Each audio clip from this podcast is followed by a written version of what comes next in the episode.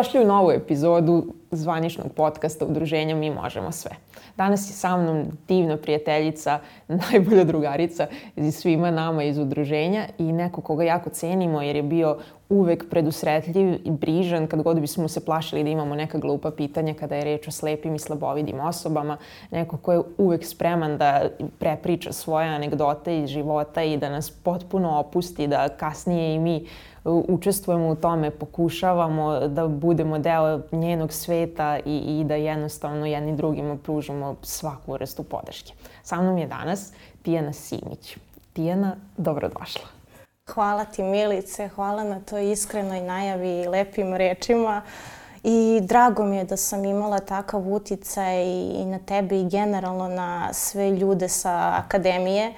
I van toga, naravno, zadatak mi je kada su ljudi zainteresovani, kad žele da upoznaju svet slepih i slabovidih osoba, ja uh, sam spremna da dam sve moguće informacije jer nema glupih pitanja, bolje da se nešto pita i razjasni nego da ostane u vazduhu i da bude neugodno i nama i ljudima oko nas.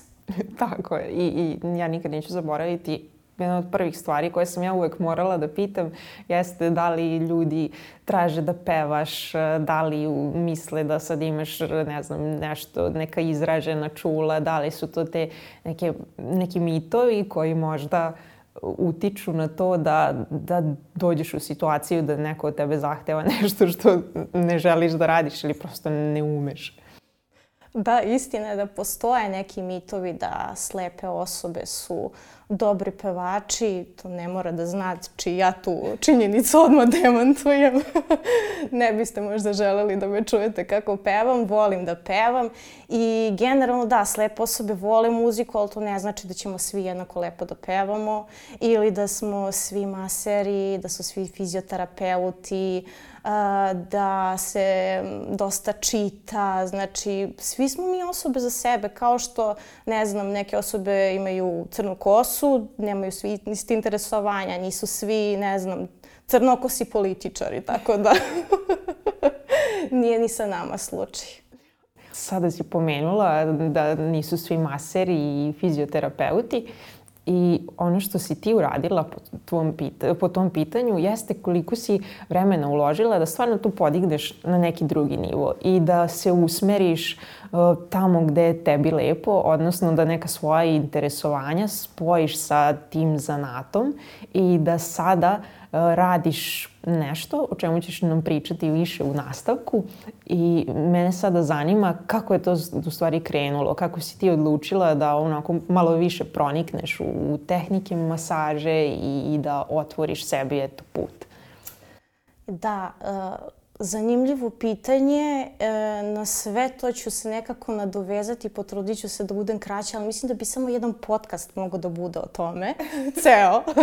Zato što, e, evo, vratit ću se na srednjoškolske dane, to jest kada sam upisivala tek školu. Uh, kao slabovida osoba nisam imala mnogo mogućnosti. Znači, bilo je par škola, gimnazija, uh, medicinska škola i pravno-birotehnička. I meni od svega toga se najviše dopalo da uh, nekako imam diplomu medicinske škole. Ja nisam apsolutno znala šta je fizioterapeut. Znači, veruj mi, znala sam šta je masaža i uvek sam imala tu izraženu želju da, da svakome nešto učinim da mu bude lepše, da ga manje boli i u školi sam onako pomalo eksperimentisala, masirala nastavnik i to je to. Znači, toliko je bilo moje znanje. I upisala sam školu, ja sam bila očajna, očajna, ja sam plakala, ja sam toliko nezadovoljna bila, što to ja moram, što sam ograničena, pa ja bi, znaš kad te sve drugo zanima, samo to što zaista ti je dato, to totalno isključuješ. I neke ideje, pa ja bi bila dizajnerka, pa ja bi bila svašta nešto, ali ne može. Uglavnom, s vremenom sam po, postepeno kroz predmete učila šta je masaža i koje su pozitivni efekti na celokupno stanje čoveka. I iskrena da budem, bila sam skeptična do jednog momenta. A to je kada sam već onako završila dobro praksu, imala super ocene i gde je mene moja profesorka masaže preporučila svojim ljudima, znači svojim poznanicima da idem privatno da ih masiram. Tu sam već počela da se pitam, čoveče, pa to nije mala stvar. Kao, to nikome nije uradila, to je uradila meni. Zašto li je to? Pa ja ipak vredim, ipak ću ja tu moći. I jer imala sam taj strah da kao, ok, završit ću školu, šta ću posle s tim? Kao, neću ja to raditi. Baš, baš je bilo tu dosta dilema, ali su se stvari skockale. Ja sam prvo volontirala u Domu zdravlja, gde sam se kasnije zaposlila kao fizioterapeut maser, gde sam i tu stekla, ja mislim, nekako i najznačajnije to životno iskustvo u radu sa ljudima, u pravilnom pristupu, to mi je mnogo značilo, to je velika škola. I e, sticam okolnosti, bila sam tu višak, morala sam da napustim e, dom zdravlja, da tražim neki drugi posao i samim tim su mi se otvorile neke mogućnosti koje možda da sam ostala u domu zdravlja ne bi mi pale na pamet. Sigurno. A da, znači novi putevi, nove ideje, moraš da kopaš, moraš da se snalaziš, šta ćeš, nove metode, znači ja sam absolvirala sportsku, relaks masažu, terapeutsku, anticelulit masažu, limfnu drenažu, ali kao ajde još nešto da dodam. I radeći kroz te ovaj, svoje relaks centre, pa eto zanimljiva stvar je da sam bila u timu koji je išao oko po kompanijama programerskim. Nas jedno, dva, tri, četiri masera koliko je potrebno odemo i na licu mesta, na radnom mestu masiramo zaposlene. To mi je fantastično uh. iskustvo bilo. Da. Jako dobro. Da, dobra priča i mislim primenjiva i danas, ali od korone to se onako sve malo usporilo jer je to lični kontakt baš i dolaženje prosto u njihov prostor, u firmu i uh, um, ljudi su se preorijentisali više od kuće da rade, tako da nije moguće. Ali tu sam se nekako uklopila. To je meni jako važno bilo da to što ja ne vidim ne bude meni prepreka da ja jednako doprinosim kao i drugi maseri koji vide. I super sam bila prihvaćena. To mi je onako bio najlepši osjećaj da, da zaista funkcionišemo kao tim. I to je već priča za sebe. Znači, učila sam tu masažu koja, znači, mogu sad u bilo kojoj situaciji da se snađem, da, ne znam, izmasiram nekoga na trpezarijskom stolu, ako treba. na podu, bez, mislim, neke podloge. Stvarno je super iskustvo. E, onda su se polako otvarali neki drugi horizonti i došla sam do jednog divnog centra gde se uči masaža. Uh, zove se Integra i da, tu je, ja mislim, započela ta integracija svega toga što sam ja prikupila od znanja da mogu još da nadogradim i da upakujem bolje sve to. Jer masaža koju sam učila tu, Globwell, što znači opšte dobro, ne posmatra biće samo kao na fizičkom nivou. Tebe nešto boli pa daj da rešavamo to lokalno nego gleda biće i kao mentalnu i kao emotivnu celinu. Kombinacija je ajurvedskih tehnika, limfne drenaže i terapeutske masaže. Ali ono što sam otkrila u svemu tome je da se primenjuju eterična ulja. Znači, ne bilo koja ova kupovna masažna, nego čiste esencije biljaka. I tada sam shvatila koliko u stvari ne znam o nekim stvarima. Da, deluje sad ovako mnogo pametno i pričam bez prestanka, ali... Ne, sjajno je slušati te ovo. ali eto, da kažem da, da je to sve nastajalo postepeno. Prosto čovek uči konstantno i sad već imam ja smišljena šta ću sledeće da učim, ali lagano. Uglavnom, shvatila sam da je jako važno e, šta mi stavljamo na kožu, jer šta god, losion, krema, sve to ide u krvotok, sve to prolazi kroz naše telo. I onda je jako važno šta i u toku masaže nanosimo. A eterična ulja imaju magične moći. Znači, prvenstveno imaju super efekat da ubijaju bakterije, viruse, gljivice, naravno ne sva, ali neka.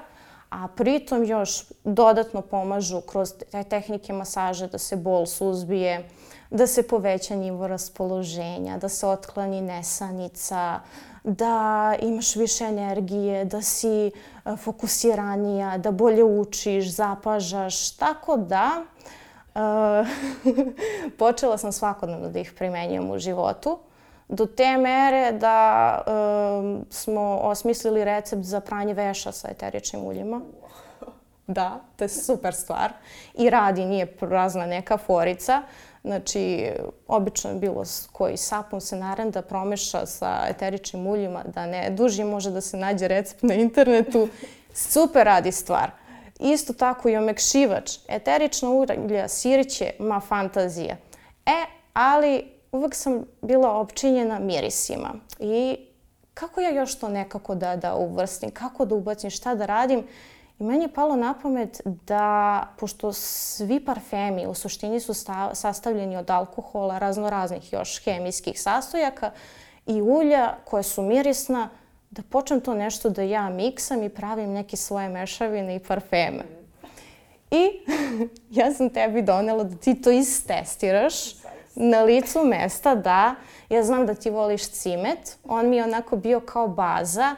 Cimet je fantastičan, daje životnu energiju, čisti od raznoraznih patonigenih organizama, ali sam mu još dala neke note, izvoli. Hvala. Neke note pomoranđice za životnu radost, malo citronele i sandalovo drvo koje će sve to onako da obuhvati, sjedini i da da neku stabilnost. Zapravo je manje, to jest ovako intenzivno kad pomirišem, ali kad nanesem, kao što si mi objasnila, da. je, je blaže i jako lepo. I puno ti hvala Eto, prirodna, prirodna priča, znaš šta, šta će tvoje telo da upije u tebe, doneće ti još mnoge lekovite efekte i da, zaista da se ljudi ne uplaše te prirodne stvari na prvu jako intenzivno mirišu, ali mnogo brže isparavaju jer ti nemaš tu neke um, stvari koje fiksiraju miris nego čista priroda.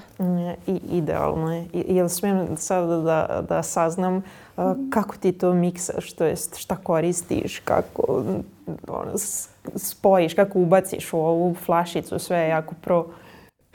Da, zanimljiva flašica. Prvo sam dugo istraživala gde mogu te rolon bočice da pronađem. Sve sam to ja pre, pregledala, internet pronašla, ali da kad sam nabavila sve što mi je potrebno, kao kako ću ja, ne vidim kako ovo da miksam. Znači, Melice, ja bukvalno imam u glavi recept. To je kad za nešto imaš dar i kad nešto voliš. Ja znam, znači to kao od, odredim glavnu notu i ima tu pravilo, to se dele mirisne note na gornje, srednje i donje. Znači, možeš od dve note pa do jedno četiri, pet da mešaš, već posle toga se gubi neki efekat. I jednostavno spojim to u glavi, znam šta se s čime slaže, odredim dozu, ali kako? I onda sam ja to morala da nađem asistenta. Srećom te stvari zanimaju i moju mamu. Opa. Da, da. Tako da nas dve zasednemo, znači ceo sto preplave moja ulja, bočice, sve i svašta. Znači neko da pogleda mislio bi da, da sam ono ne, neka veštica, da tu nešto bajam. Ali ne, to su moji pomoćnici, saveznici. I onda ja kažem ovako, Dobro. Osnova, da, inače ti nisam rekla, osnova je jojobino ulje, koje je super za, za sve tipove kože, tako da ne moraš da brineš.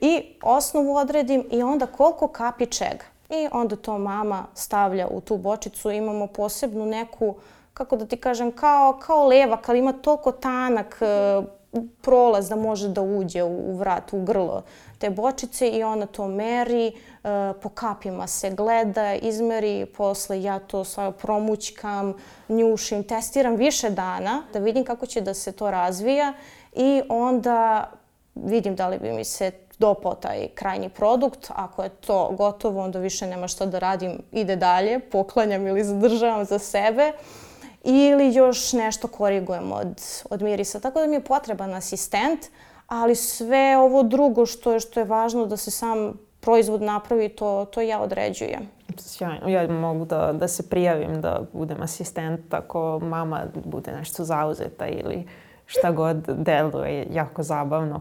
I, I sad dok te slušam, uh, setila sam se još jedne tvoje pasije i, i nečega u čemu takođe imaš dar i fenomenalna si, a to je gluma. Da, to je moja strast od, od, od malena. I kao mlađa, kao slabovita, učestvovala sam u nekim glumačkim sekcijama i glumila sam u Dadovu i svašta nešto tu bilo. Ali u poslednje vreme dala mi se mogućnost, pružila da, da se ostvarim u toj sferi. Prošle godine za 3. decembar, Međunarodni dan osoba sa invaliditetom, izveli smo predstavu Beograd kroz vekove. Um, Projekat je realizovalo udruženje Maska i iskustvo je fantastično. To je muzičko-scenski program koji smo vodile ja i moja mlađa koleginica od 9 godina. Bile smo sestre u predstavi i uživala sam zaista ne samo u tome što, što ja glumim, što mogu da izrazim sve to što ima u meni, sve to što uh, ne postoji možda drugi način da ja to iskažem nego kroz glumu, da budem neko drugi. To je isto zanimljiv domen. Ali i da uživam u toj muzici, u toj iskrenoj pesmi. Baš mi je bilo teško da kada uh, učesnici drugi pevaju, igraju, da se obuzdam, da ne pokažem svoje emocije, jer me to jako dotaklo. Ali najzanimljivije je bilo na, na probama I Đorđe Makarević je, mislim, ne, baš je onako, mm, nije okej okay da ja komentarišem njega, ali mislim, fantastičan reditelj, eto, prvenstveno čovek, pre svega. Ja sam se radovala svakoj probi, jedva sam čekala da dođe, da mi tu stvaramo, da... Znaš, u početku nije to bilo dobro. Dobijala sam neke opomene da treba da budem prirodnija, da razgovaram sa svojom mlađom sestrom, da to treba da bude pitko, ne treba toko prenaglašeno.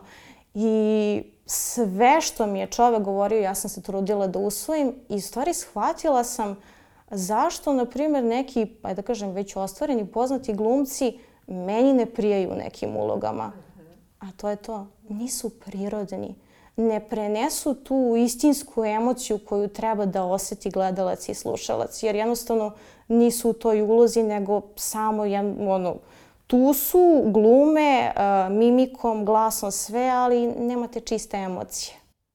Ali ti, ti si to nama prenela. Ja, ja sam bila u publici, bila sam baš sa tvoje strane, tu levo u prvom redu i mi smo komentarisali koliko ste vas dve imale odličnu konekciju, koliko si ti bila preslatka i onda na momente kad, kad joj kažeš joj pa ludice moje ili tako nešto, to je bilo toliko slatko, toliko iskreno i onako vas dve ste, za one koji možda nisu gledali, vas dve ste bile praktično naratorke i najavljivale, najavljivale ste nam iz segmenta u segment svaku tačku koju su kasnije iz, koji je ansambl iz, izvodio sa naravno osobama sa autizmom, mladima koji su takođe pokidali to.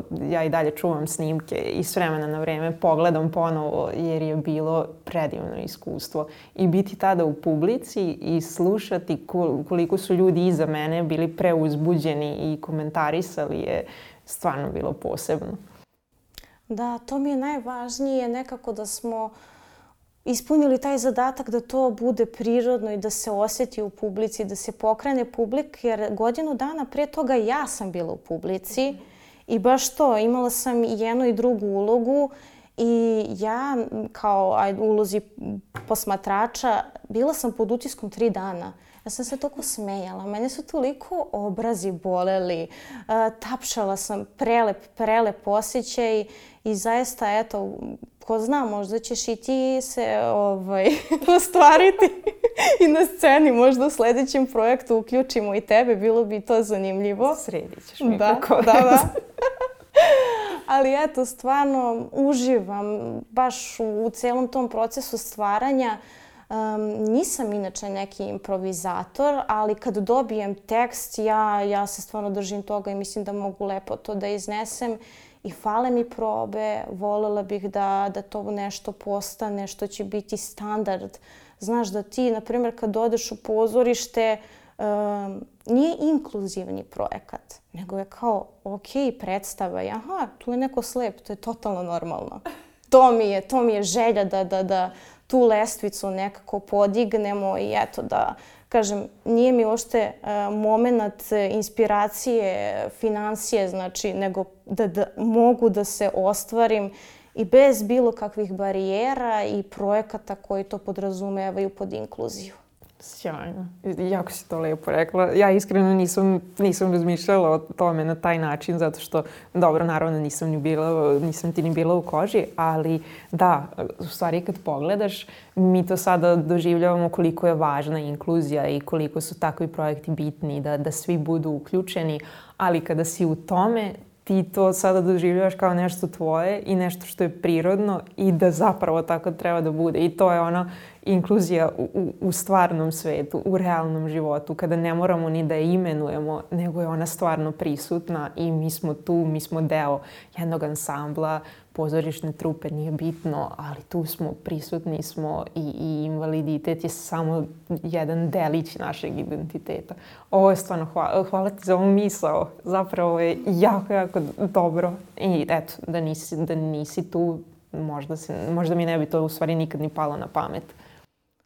Mm, pa da, nije ni meni dok nisam, ajde kada kažem, ušla u procese i u projekte inkluzije i vrlo sam zahvalna na svim tim prilikama koje su mi se pružile, ali to je to kad ostvariš jedan cilj, onda, onda to želiš, želiš više i želiš da to postane nešto prirodno i da, da ne bude okarakterisano tim mojim invaliditetom.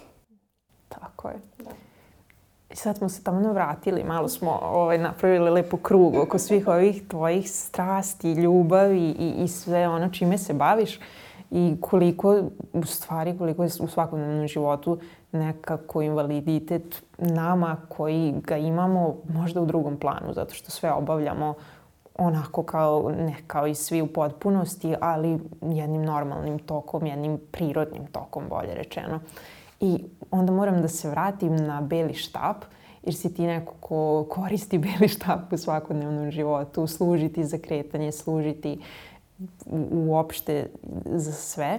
I zanima me, pošto svi slepi, odnosno ne koriste svi slepi beli štap, pa možda neki tvoj početak i šta ti vidiš kao prednost i koliko ti je značajno za samostalnost?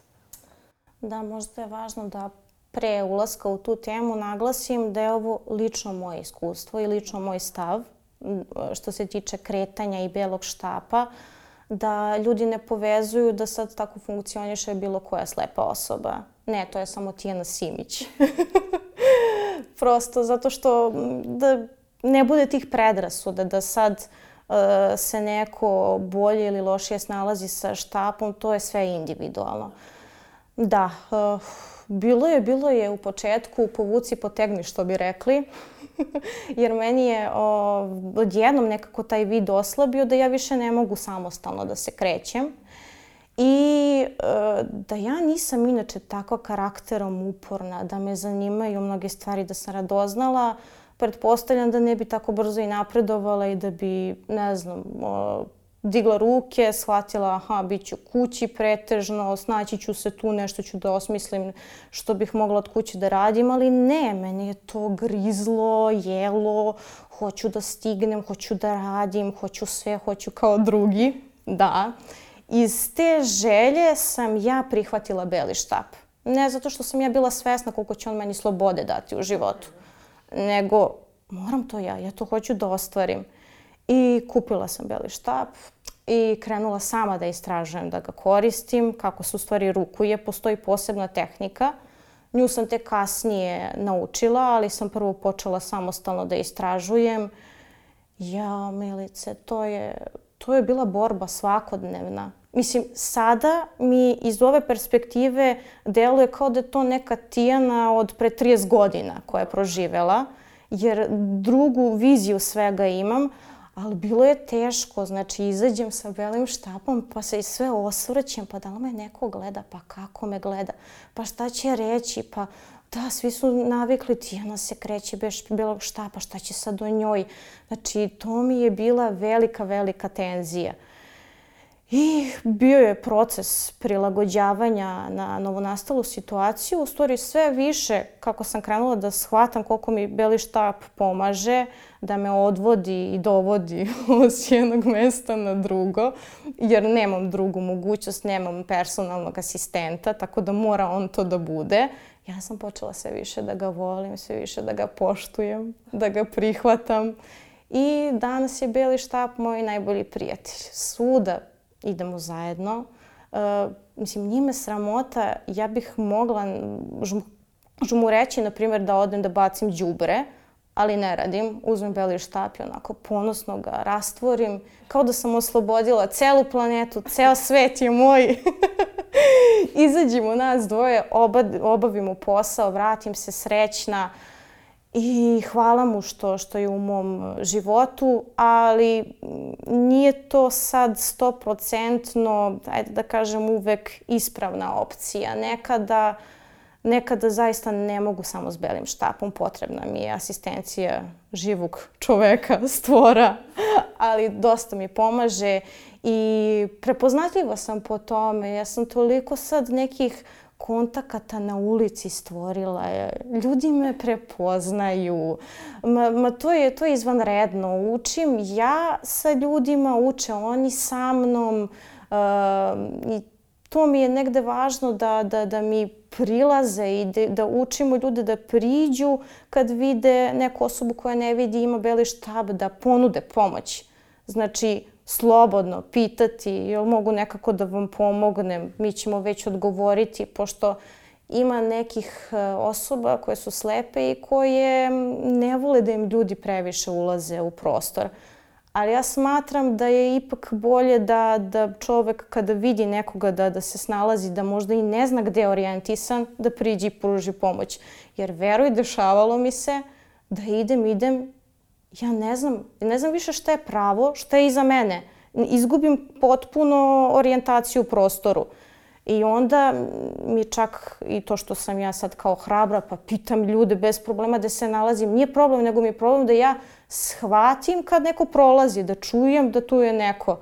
Jer tek tada mogu kao da pitam i zatražim za pomoć. Moram i da se zahvalim na ovome, jer koliko god ja tebe doživljavala kao osobu koja je u potpunosti samostalna i znam naravno da koristiš beli štab i uvek i kad se srećemo uglavnom si tu, ali ne znam, kao i sada kada je neko bio tu za tebe da te dočeka, da stigneš ovde, to su tako neke male stvari, a u stvari detalji koji bi možda nekome promakli, ali s obzirom da smo mi tu i da se znamo, onda već I to je sve u stvari zahvaljujući tome što si nam ti rekla, e, treba mi ili ne znam kako god. Uh, smatram da je ta tvoja asertivnost i otvorenost jako puno doprinela da se mi osjećamo jako prijatno u tvom društvu i sama si pomenula za kolege i koleginice sa akademije koliko je to okruženje, na primjer, stasalo i, i sazrelo u svakom pogledu, zahvaljujući našim različitim iskustvima, ali si ti svakako bila neko ko je prednjačio baš zbog toga što je onako nesebično delio. Pa da, s razlogom smo svi tu i svi činimo taj krug, upotpunjujemo. Um, na, na samom početku ulaženja u tu priču Akademije mladih lidera sa invaliditetom imala sam predrasude zato što gledala sam kvalifikacije drugih osoba koje su se prijavile i stvarno sam bila impresionirana i razmišljam pa šta će tu jedan fizioterapeut, što ja da radim tamo da masiram te ljude? Šalim se jer sam se ja prijavila zbog, zbog drugarice, da kao budemo zajedno, da nam bude super. I u stvari, sad, mislim, više nisam zbog drugarice tu, nego zbog mnogo drugarica i mnogo drugara. I svakog dana mislim da zajedno učimo i rastemo i saznajemo o svim tim stvarima. Jer vidim da je meni na početku bilo problem imala sam isto što ja učim druge, slobodno pitajte me, odgovorit ću vam sve. Ja sam imala sa drugim ljudima problem da pitam, na primer, nešto u vezi kolica, u vezi kretanja. Um, bilo mi je to nepoznanica, ali kako smo prolazili raznorazne projekte, e, edukacije. Mic po mic nekoga direktno, direktno pitam nekoga indirektno, saznajem i toliko shvatam da sam, da sam bogatija što se tiče toga i zajedno mislim da, da radimo fantastičnu stvar i da, da će tek doći super stvari i da to, te barijere koje postoje, postoje naravno, ali da, da ih mi sami nekako ne da prevazilazimo, ali drugačije i, i prezentujemo u našim životima. Sada ide onaj segment koji ja jedva čekam u stvari, a o tome smo pričale ranije, tako po YouTube-u, internetima generalno, svuda smo nailazili na one čudne videe kada slepim ljudima postavljaju tako neka blic pitanja i nas dve smo odlučile da to testiramo sada. I Biće zanimljivo. Biće zanimljivo i ne moramo da žurimo. U suštini pokušat ćemo eto, da odgovorimo na nekoliko pitanja koje možda ljude zanimaju i prvo pitanje koje je bilo onako light motiv cele ove epizode možda jeste kako i, i da li slepe osobe sanjaju? Često pitanje, do, dešava mi se baš, baš u poslednje vreme to da me ljudi pitaju. Uh, blic odgovore, moram baš brzo, cap. Ma ne, A. ne, rekla sam, ne, nećemo žuriti. Sanjaju, tačka. Šalim se. Um, pa sve to zavisi od toga uh, koji nivo uh, vida su osobe vid, imale u životu. Znači, osobe koje su rođene bez vida, oni sanjaju, um, ne mogu čak ni da kažu da je to mrak. Znači, nema ničega, ali znaju da se nešto dešava, da im neko daje knjigu, da se oni kreću. Znači, to je sve nekako normalna pojava. Kao što dišemo, kao što bilo šta tako automatski radimo. A ljudi koji su imali neke ostatke vida ili normalno videli pa gubili, uh, sanjaju, znači imaju to pamćenje od pre i kako vreme prolazi, uh, sve manje im je san obogaćen bojama, nekim detaljima. Jednostavno to, to znanje se postepeno zaboravlja. Tako da, da sanjamo svašta. Imaš nešto da prepričaš? ja, ja baš imam bogat život noću, intenzivan. mislim da, da, mislim i preko dana, kamoli noću, to je baš, ovaj, pretpostavljam, negde razgovarala sam i sa psihoterapeutom da um, sve to što preko dana slepa osoba doživljava, vrlo intenzivnije proživljava nego osobe koje vide, jer druga čula su aktiviranija. Ajde da kažem, nije da smo mi nešto nadareni, ali prosto više koristimo sve drugo što imamo i onda to obrađujemo noću. I onda to mogu da budu baš onako duboki snovi, jasni, e, da, da ih se sećamo vrlo intenzivno ujutru, da ostave trag na nas. Tako da ne bih baš da navodim, ali eto šta se dešava. Mislim da, da su baš uh, ostavljaju veliki trag. Kako vidiš drugu osobu? Ako ne, to jest nećeš moći da vidiš kako neko izgleda, ali kako ti stvoriš sliku o toj osobi? Kako stvorim sliku? Da, um, pa nema tu neke, ajde da kažem, vizualne slike. Volim da mi ljudi opišu uh, nove osobe u mom životu, što detaljnije, ali nekad ni ne stigne do tog procesa da dođe. Znaš, kad na brzinu nekog upoznaš, pa šta ću ja sad da pitam nekoga na ulici, izvinite, koja vam je boja kose ili, mislim, prosto ne ide. I onda ja sve drugo upijam. I često kad sam u okruženju novih ljudi ili da li to neka manja grupacija, veća, ja dosta vremena ćutim možda si to i primetila. Um, nisam neko ko, ko vodi glavnu reč, nisam generalno taj tip, ali volim, volim da ćutim. Ja sve to tako, ja uh, svojim sluhom stvaram sliku. I meni za to treba vremena i treba me pustiti. I nekad možda delujem odsutno, nekad ljudima da, delujem čudno kao otišla u neke svoje misli. Ne, nego ja baš trudim se da osetim uh, emociju sa kojom ta osoba priča, nebitno koja je ta tema. I slika o ljudima se meni jako često menja. Naprimjer, ti ćeš danas videti devojku ona će biti obučena na jedan način, sutra može nešto da promeni, ali tu se nije nešto znatno, ajde da kažem, fizički na njoj promenilo, ona je ista. A meni sve zavisi od raspoloženja. Znaš, danas mogu da doživim na jedan način nekoga, sutra na drugi. Prosto se više oblikujem prema nekom tom karakteru, temperamentu i onda sve to sklapam kao puzlu i onda um, imam neku, neku sliku o osobi, što na neki način je dobro, a na neki nije.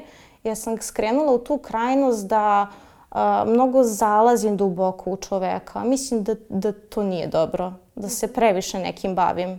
A baš sam htela sada da ti pitam, ovaj, da li misliš da je to onda na neki način neka mnogo iskrenija vrsta povezanosti zato što ne formiraš vezu ti možda nećeš ono na prvu kad vidiš nekoga kako izgleda kakvi su mu gestovi nećeš tako zaključivati nego na jedan malo drugačiji onako dublji način sam po sebi I da, da, li, da li onda stvarno, koliki je problem? Koliko duboko odeš i, i da li te to preplavi u stvari kada dođe, ne znam, puno ljudi odjednom u tvoj život ili tako nešto?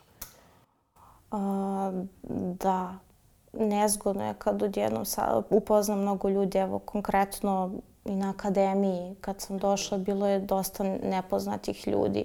I ja nisam znala, znaš kad je mnogo oko tebe i Čak e, teško mi je bilo prvo i da naučim sve glasove, pa ko šta govori, pa da povežem, pa e, moram prosto da kažem, pa ko ima koji invaliditet. Mislim, ja to ne vidim dok ne shvatim iz priče.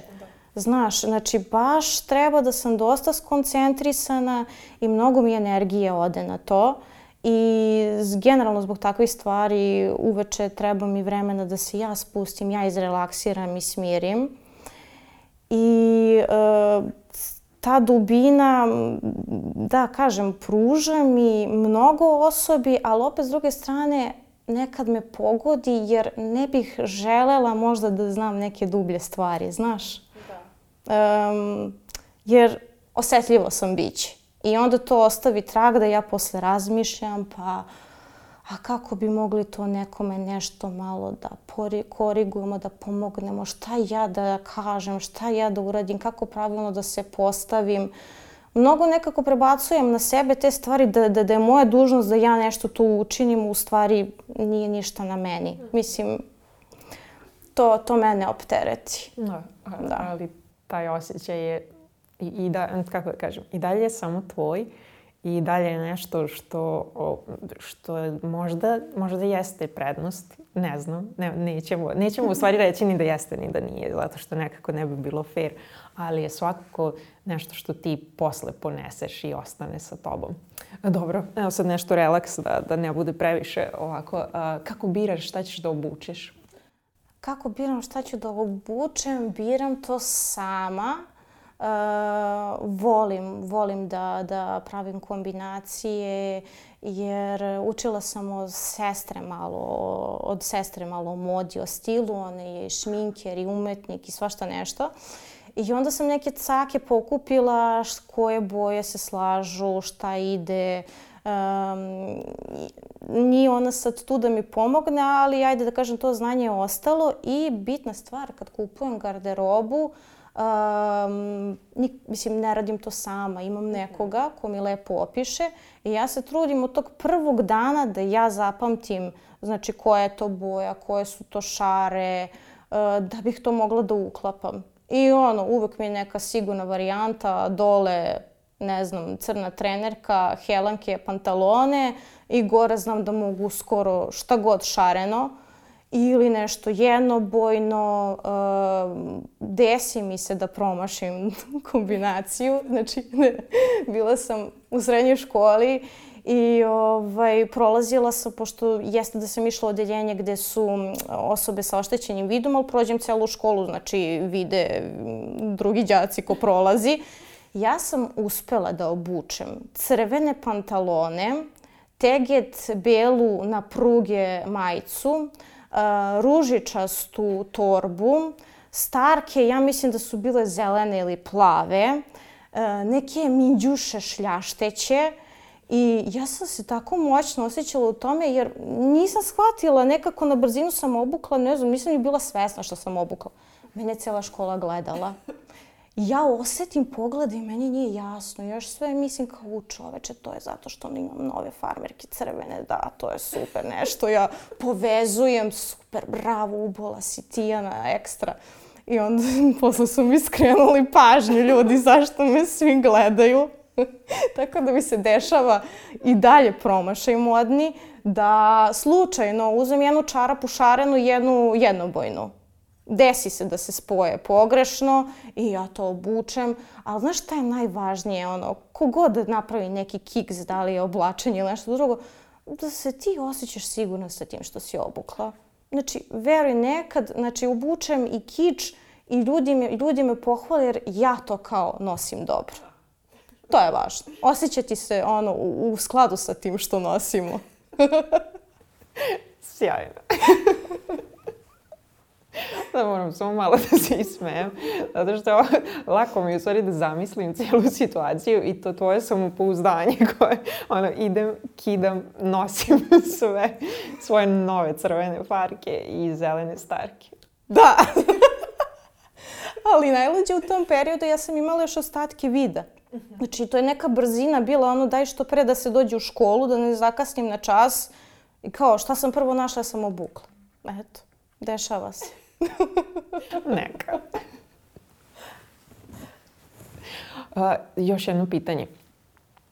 Kada se nalaziš u novim prostorima, znamo sad već da koristiš beli štap, ali koliko je značajno da sama istražiš belim štapom i koliko je značajan feedback od neke osobe koja je sa tobom, koja ti opisuje gde se šta nalazi i kako, ono, kako ta dva spajaš da dobiješ otprilike neku percepciju o veličini prostora, gde se šta nalazi i tako dalje.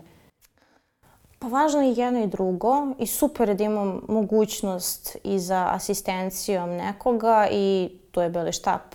Naravno da i on odradi svoje, prvo bih postavila tako da, da je neko sa mnom i da mi da neke orijentire prosto koliki je prostor, kakav je oblik, kad uđem s leve strane, ne znam, tu ti je stolica, s desne su ti vrata, ideš u neku drugu prostoriju. Znači, što više tih nekih orijentira da ja stvorim neku sliku, da bi mi bilo posle lakše kad uzmem beli štab da ja sve to nekako obiđem. Ali dok ja ne obiđem to i ne ispipam Čak ne sa belim štapom. Beli štap je više za te neke uh, situacije na ulici, ali u prostoru se vodim rukama.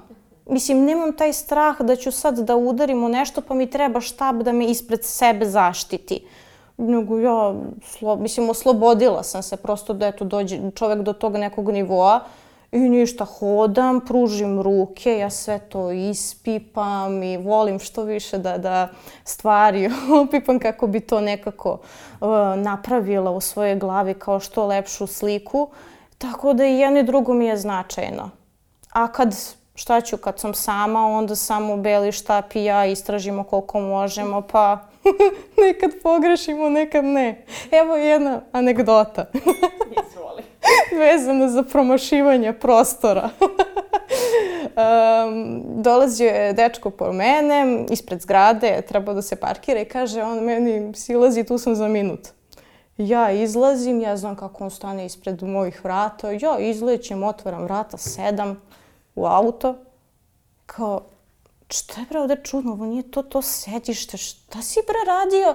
Kao, izvinite, gospođice, šta vam treba? Ko, pogrešila sam auto, izvinite, molim vas, znate šta, ja ne vidim, ja sam čekala dečka. Dobro, dobro, ne morate da se pravdate, samo izađite u tom fazonu je bilo. Meni je srce stalo. Jer ja to kad se uplaši nečeg, ja odmah krenem neko pravdanje, priča, priča, priča, priča, a čoveka to ništa ne zanima, samo je treba da izađem iz kola. Tako da mi se to desilo. Dobro da nije o, upalio auto i da smo krenuli negde. Imala sam sreće da sam izašla iz automobila. Ovo je možda stvarno bolja varijanta. Tako da tu mi nije pomogao ni asistent ni beli štap. Ali to je stvar navike. da, da, kao, to je to. On je meni javio ispred zgrade, ja sedam i idemo dalje. A gde je u stvari bio posle kad Pa on se u stvari uparkirao iza tog uh, automobila. Mislim, stig, stigao je naknadno, nije uopšte vidio taj moj ulazak. Da, ali sam mu posle prepričavala, a mu ništa nije bilo jasno. Mislio da ga zezam, jer ljudima tako, znaš, um, čini mi se da su to totalno nesvakidašnje situacije. Znaš, da nešto uradiš te prirodi i posle da se smeješ, da si opušten, da ne pridodaš neki veliki značaj, da se ne potreseš. Ja sam to stvarno nekako super prihvatila i kao idemo dalje, da smo beše krenuli na neku dobru klopu. Može, vozi. to, to, vozi. Pošto sad si pomenula dečka, pomenuli smo te emotivne stvari, odnosno kako upoznaješ ljude i te dubine. Pa kako izgleda proces zaljubljivanja, na primer? Zaljubljivanje, da. Isto u suštini kao i kod drugih ljudi. Zaljubljuju se slepe osobe, ali ne padaju na prvi pogled. tu sam čekala. Nema toga. Nema, jao, upućuju mi neke poglede, namigivanje, sve više je na, na priču, na to što, što mi ta osoba pruži u nekom energetskom smislu. Uh, trudim se što više da saznam, da što više ispitam, da u tom periodu upoznavanja prođemo razno razne situacije kako bi, znaš, kroz neke te životne stvari ja mogla da procenim sa kim imam posla. Ali dešava se da koristim i pomoć prijatelja.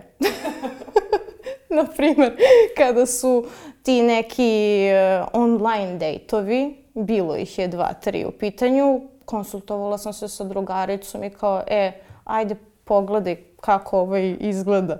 I ne gledamo mi u tom fizičkom smislu kao da li je neki lepotan, nego prosto šta mu se vidi, znaš, ono po licu, po očima. Joj, to ima jedna anegdota za jednog dečka je drugarica rekla, vidi mu se da pije u očima. I stvarno ušli mi u priču i on mene pozove na pivo. ni manje ni više. Tako da u suštini kombinujem sve tehnike i zaljubljujem se baš suštinski u tu osobu. Ne, nebitno mi je da li ima dugu, kratku kosu, visok, nizak, da li ima viša kilograma, pa čak i ako je, mislim, i to osoba s invaliditetom, sve to u redu. Samo da se mi negde nađemo. Ti si onda savršena devojka. e, to mi svi kažu. Jel da? Da, to mi svi kažu kad se dopisujemo tako, kad su ta online upoznavanja. Bila sam na Tinderu neko vreme. Znaju, prepostavljam svi šta je, koja je aplikacija. Ali onako iz radoznalosti. Više da vidim kako ću da delujem na njih kao osoba koja ne vidi, znaš. I živa istina, sve to ide do pisivanja divno, ma ti si savršenstvo, ma ja bi tebe ženio, ja bi ovo, ja bi ono. I onda kao, pe, znaš šta, ali ima jedna stvar i onda nagovestim kad prosto mi se otvori mogućnost, da ne bude sad odma, e, znaš šta, ja ne vidim, nego provučem to i onda ili uh, me onako, jao carice, svaka čast, ja se tebi divim s nekim obožavanjem kod da sam neko treće svetsko čudo, mislim se postave ili kao samo odjednom nestane ta osoba, ima i toga. E, tako da iskustva su različita i shvatila sam da za nas ovaj, osobe koje ne vidimo nije to pravi način uživo i to je to, to je prava slika i mene toj osobi da me prihvati, shvati kako, kako funkcionišem i uopšte da vidi šta znači devojka koja ne vidi, a i meni da nađem nekog ok dečka. Znači, online, date, online dating nije više opcija. Nije više, da instalirala sam Tinder, nema ga i neću ga vraćati. Ali zanimljivo iskustvo, zanimljivo. Čak poznajem e, jednu devojku koju sam masirala, napisala je knjigu o Tinder iskustvima, iskustvima. Tako da, ko zna, ako nekad budem pisala tako neke anegdote, možda ću i to da uvrstim. obavezno, obavezno. Svi mi koji, koji pratimo te anegdote na određenim skupovima, druženjima i ostalo, no, mogli bismo i mi onako da počnemo da beležimo, čisto da imamo da te podsjetimo kad rešiš jednom da napraviš zbirku. Da, da, da, to mi super zvuči. Mislim, to je super svima nama nekako da, da, da vidimo i da beležimo.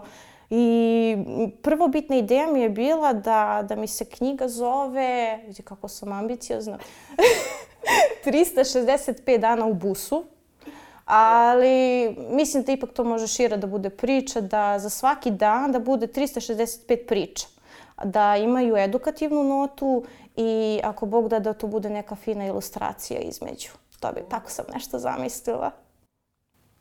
Tu smo da, da, da, podr... da, tu da. smo da podržimo svaku zamisao. Sjajno. ostalo mi je nešto. Uh mhm. -huh. Ovo će biti uspomena na naš e, podcast i na druženje, uh, uručit ću ti jedan mali poklon. Opa, to je pao moj parfemčić, sve je u redu. Uspomena za uspomenu? Tako je. U taman, on se javlja u stvari da, kao uspomena za uspomenu. Uglavnom, uh, ovo je ceger koji smo štampali naravno namenski za podcaste, za sve naše gošće, za sve naše goste, da ponesu kući i naravno da, da im služi za svako nošenje bilo čega gde god žele i ostalo, tako da pružam uh, cegir. Jao, hvala ti, baš, baš, baš si me iznenadila i super stvar koja, koja uvek treba. No. Mislim, Pogotovo meni koja stvarno volim da švrljam po prodavnicama i super mi je to da me već u kraju znaju i eto, sad će da se upoznaju sa mojim novim cegerom. Hoće.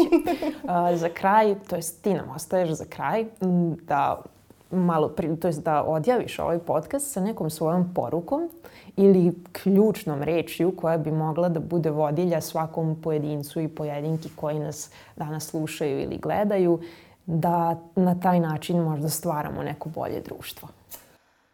Da, poruka ima mnogo i sada je teško reći nešto što kao već nije rečeno, ali osvrnut ću se na nešto što je meni u poslednje vreme izazov i meni samo i poruka, a samim tim želim da prenesem i na druge ljude, a to je da budemo ljudi.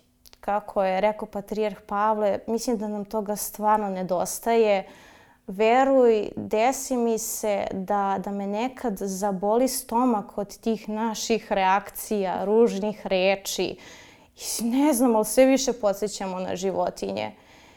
I da se trudimo da, da kada krenemo da, da pričamo o drugima, ja vidi ovo je rekao ovo, uradio ono, obukao se ovako, ponaša se onako.